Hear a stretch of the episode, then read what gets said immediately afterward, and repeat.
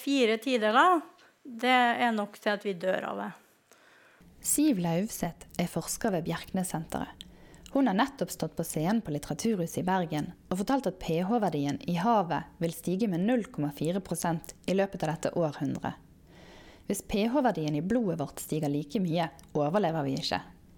Hvilke konsekvenser får en sånn endring for fisken og livet i havet? Dette er Tekfisk, podkasten om forskning og teknologi i sjømatnæringen. Jeg heter Camilla Odland, og jeg prøvde å finne noen svar på det i panelsamtalen som fulgte. Vi har fått med oss opp eh, teknisk sjef eh, Harald Sveier i Sjømatselskapet Lerøy, som da også er FoU-ansvarlig og FOR-ansvarlig. Og så har vi fått med oss forskningsdirektør Hans Kleivdal i Uniresearch. Velkommen til dere. Takk. Og da tenkte jeg også å høre med deg først, Harald. Blir du bekymret når du hører det Siv forteller her? Blir jo bekymra for 0,4 Egentlig er fysiolog og 0,4 i endra pH er, er, mye. Samtidig så vet vi at naturen er utrolig fleksibel. Så det blir jo ikke tomme økologiske nisjer. Vi får bare andre dyr, andre organismer inn der. Om vi kan utnytte de på samme måte som vi utnytter de som er der i dag, det er jo et annet spørsmål. Men, men at det skjer endringer, det gir oss utfordringer. Eh, og dere produserer store mengder oppdrettsfisk, men så er dere også nå store innen fiskeri.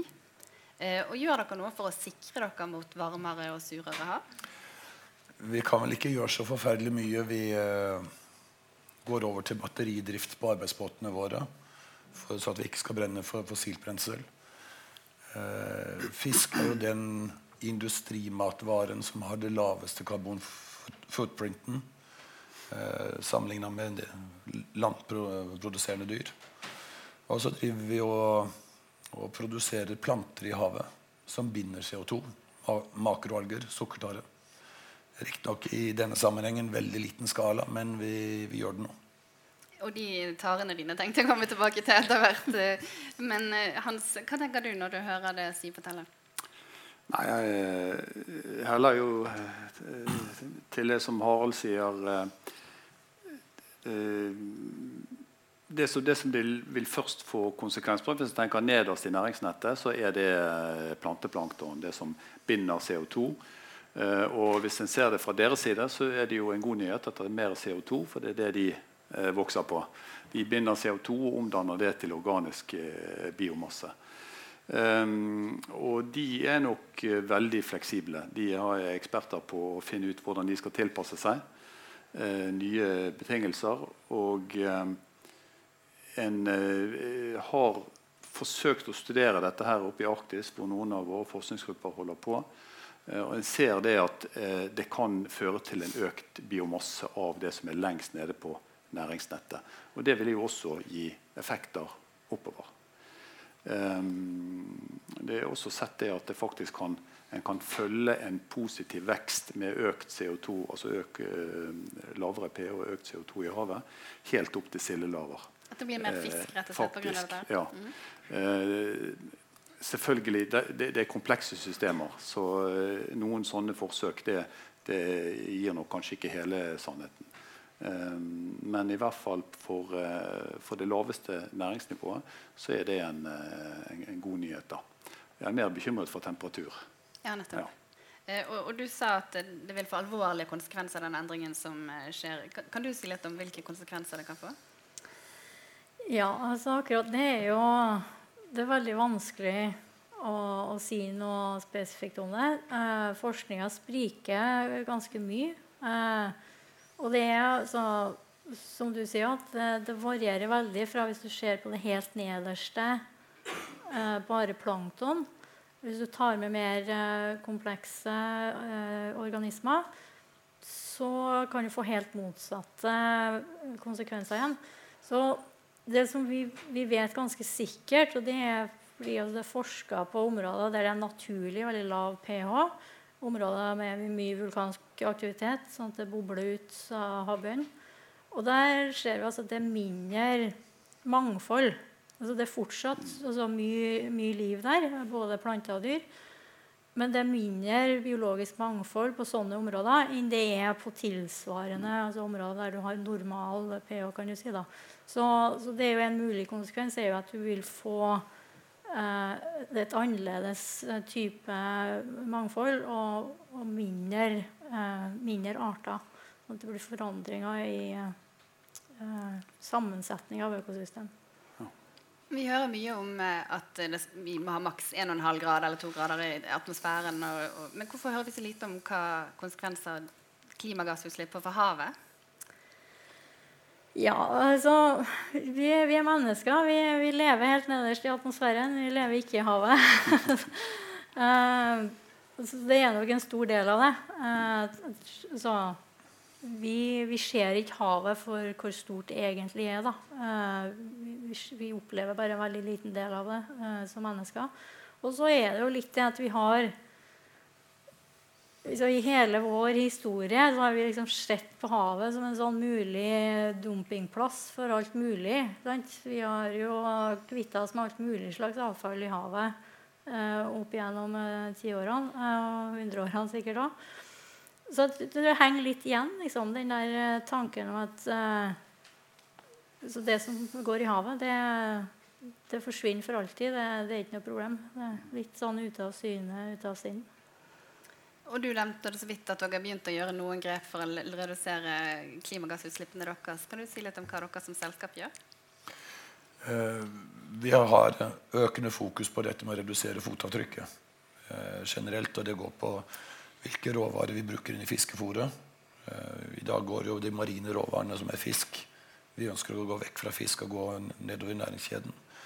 Jeg nevnte dette med elektrifisering av arbeidsbåter, som vi jobber sammen med Bellona på.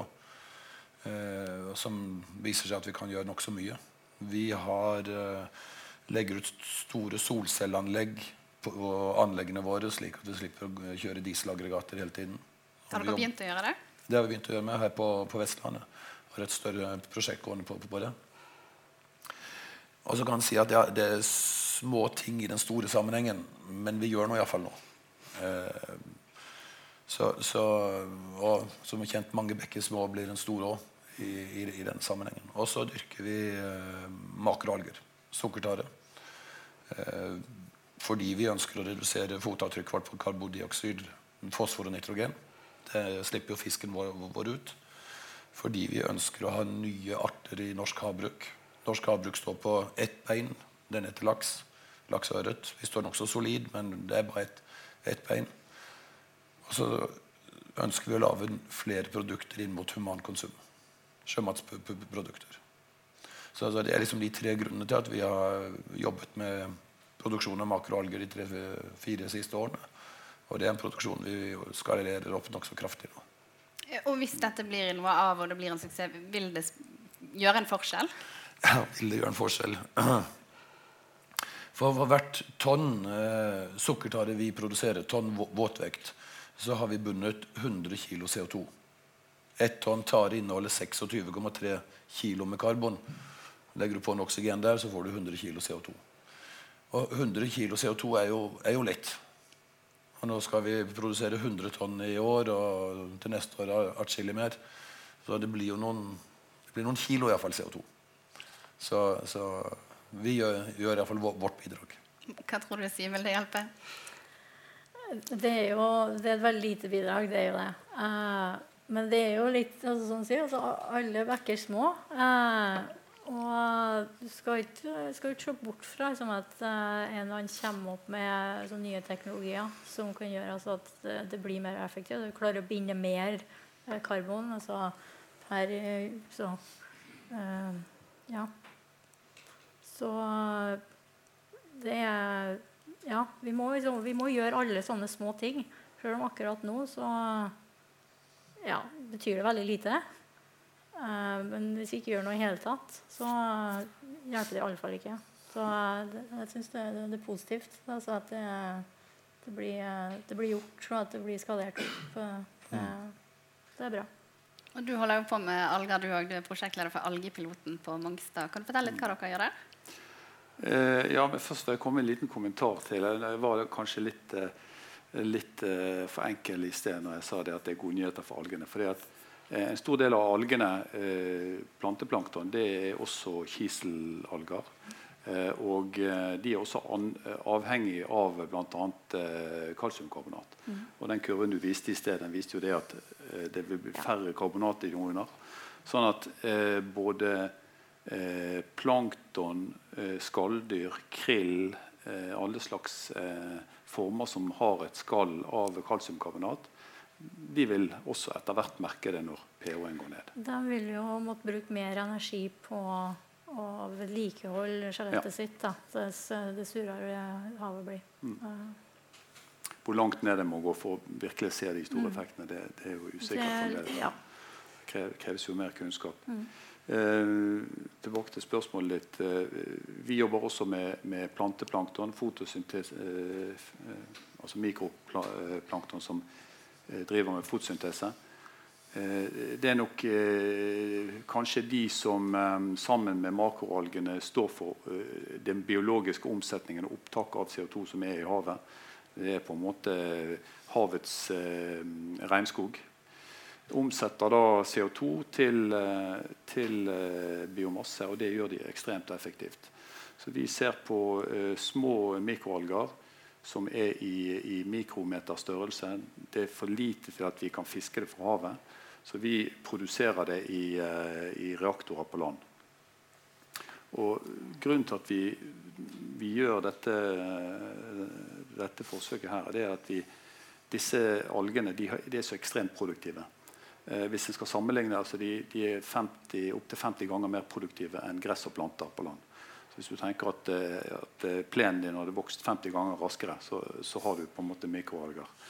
Eh, og den eh, ekstreme produktiviteten den ønsker vi å på en måte fange og, og eh, nyttiggjøre.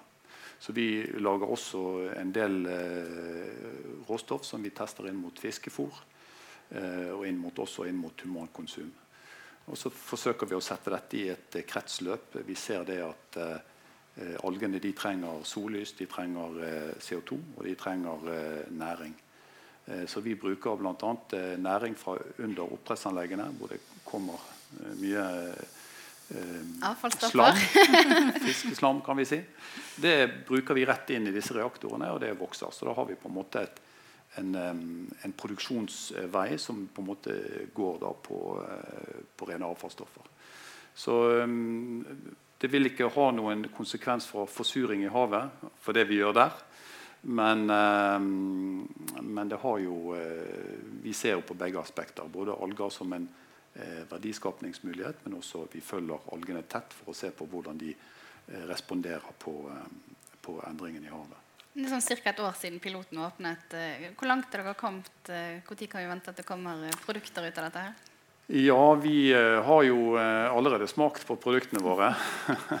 det er, det, det, vi har produsert mange hundre kilo. Og på, på, det systemet som vi bruker, så ett tonn råstoff det fanger opp ca. to til tre tonn CO2. Så der har vi en, eh, et relativt effektivt opptak av, eh, av, av CO2-en. Vi vi begynner med fiskeforingsforsøk nå i år. Eh, og så skal vi gjøre noen evalueringer av hvordan økonomien er i dette. Hvordan CO2-avtrykket er osv. Så, videre. så vi, håper vi å kunne oppskalere da, i neste runde. Og han sa fiskefôr. Det er jo et stikkord for deg. Er dette noe dere, det, ja, er dette noe dere vil bruke? Dette bruker vi. Eh, fiskefôret står for 80% av vårt CO2-utslipp. Og da spesielt de marine råvarene, fordi at der må du ha fiskebåter som er ute og tråler og, og, styrer. Eh, den omega-3-fettsyrene som er i fiskefôret, kommer tradisjonelt fra fiskeolje. Hos oss så kommer 25% av de oljene kommer fra mikroalger, som, som Hans eh, snakker om. Riktignok ikke hans sine, men uh, mikroalger dyrket i svære tankanlegg. Uh, og, og, oppkonsentrert på, på, på, den måten. Og på den måten så får vi ned karbonfotprinten vår. Vi reduserer belastningen på de marine miljøene og, og de ville fiskestam, som er relativt bra pressa for tid. Så, og vi er de eneste kommersielle, store uh, havbruksselskapene som bruker denne, denne mikroalgeoljen. Den er litt dyrere, men uh, vi tror det er verdt innsatsen. Og fisken blir like sunn, fisken og fôret blir like bra? Enda sunnere og enda bedre. like mye omega-3? ja, ja. 25% mer omega-3 i vår fisk enn en standardlaks. Ja. Vi vet jo alle at havet blir surere og varmere. Men hvordan skal man nå frem til det budskapet til beslutningstakerne? Ja, det var jo et veldig, veldig bra spørsmål, syns jeg. Uh, så jeg syns jo akkurat det, den formidlinga av avsløring er veldig utfordrende. Uh, for, på den ene sida er det altså det vi vet helt sikkert, det er jo at pH-en har sunket, og den kommer til å fortsette å synke veldig mye. Altså, uansett hva vi gjør, så kommer vi til å se en stor forsuring i framtida.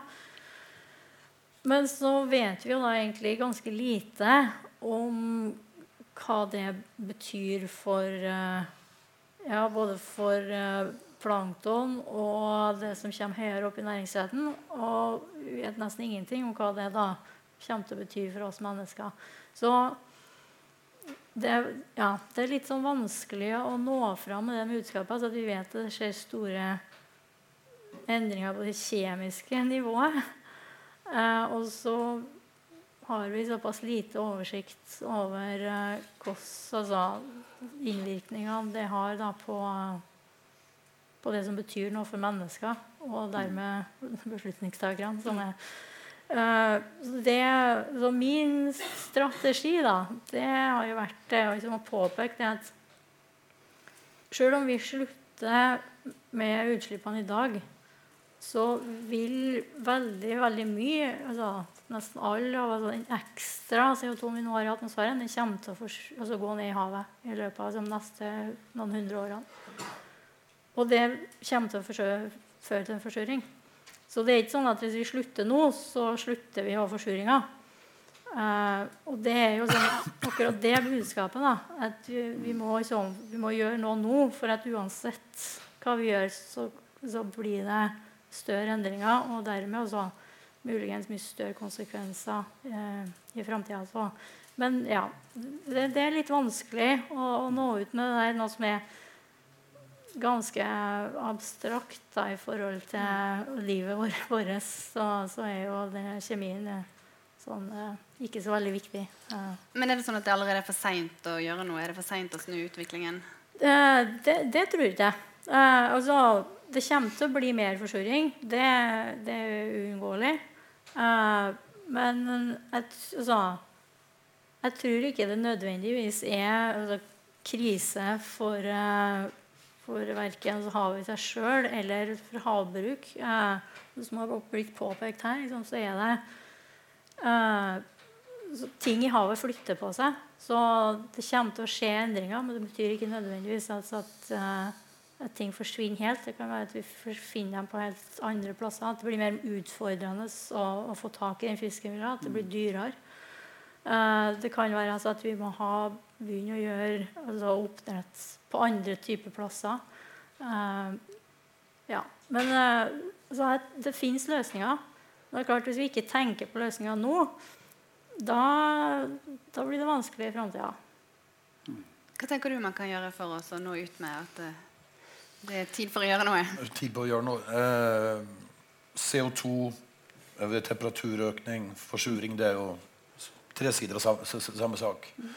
Og, og, som du nevnte, nå driver vi og fisker makrell ved, ved Svalbard. Mm. Da jeg vokste opp, så fiska vi makrell på, på Sørlandet. Mm. Eh, det er klart at du kan tegne masse grafer og, og ta, ta dommedag, men, men, det å se at fiskeflåten drar til, til, Svalbard, er et relativt uh, tydelig tegn på at ting endrer seg. Og så skal en kanskje ikke være så forferdelig mørkeredd, for verden har endra seg, og naturen har endra seg siden tidens morgen. Det har vært istider som kommer og går. Og det at vi nå er oppmerksom på det, og kan følge mer med og sette i gang tilpasse oss ikke nødvendigvis sette tilgang for å endre naturen, men for å tilpasse oss de naturlige endringene som skjer, gjør at jeg tror Jeg ser ikke så forferdelig mørkt på det. Men, men eh, en må iallfall opplyse om hva er konsekvensene av vi, det, det, vi holder på, på, på, med. Blir du mørkeredd? Nei, jeg tenker det at selv om eh, bremselengden er lang, så kan ikke vi la være å begynne å trykke på bremsen. Så eh, da er det heller på tide. Eh, jeg ser det at det, det, er, en, det, er, en, det er, kanskje godt hjulpet av uh, FNs bærekraftsmål. Så er det en sterk fokus i store selskaper som lærer blant annet, og som andre. Å ta det samfunnsansvaret det er å se hva kan vi gjøre for å bidra. Eh, de siste tiårs fokus på såkalte livssyklusanalyser eh, med eh, å, å, gå gjennom sine produksjonskjeder og se hva er karbonavtrykket på våre produkter, på vår virksomhet, i en litt mer holistisk, altså helhetlig tilnærming. Ikke bare på ja, vi, vi leverer godt, så da trenger ikke vi gjøre noe mer. Men altså virkelig se helheten i det det gir meg optimisme i forhold til sånn som eh, bl.a. Lærøy gjør nå. Eh, en, må, en, må, ta samfunnsansvaret utover på en måte sine produkter. Eh, og det gir meg eh, optimisme. Da eh, setter vi strek og takker dere alle for at dere kom i dag.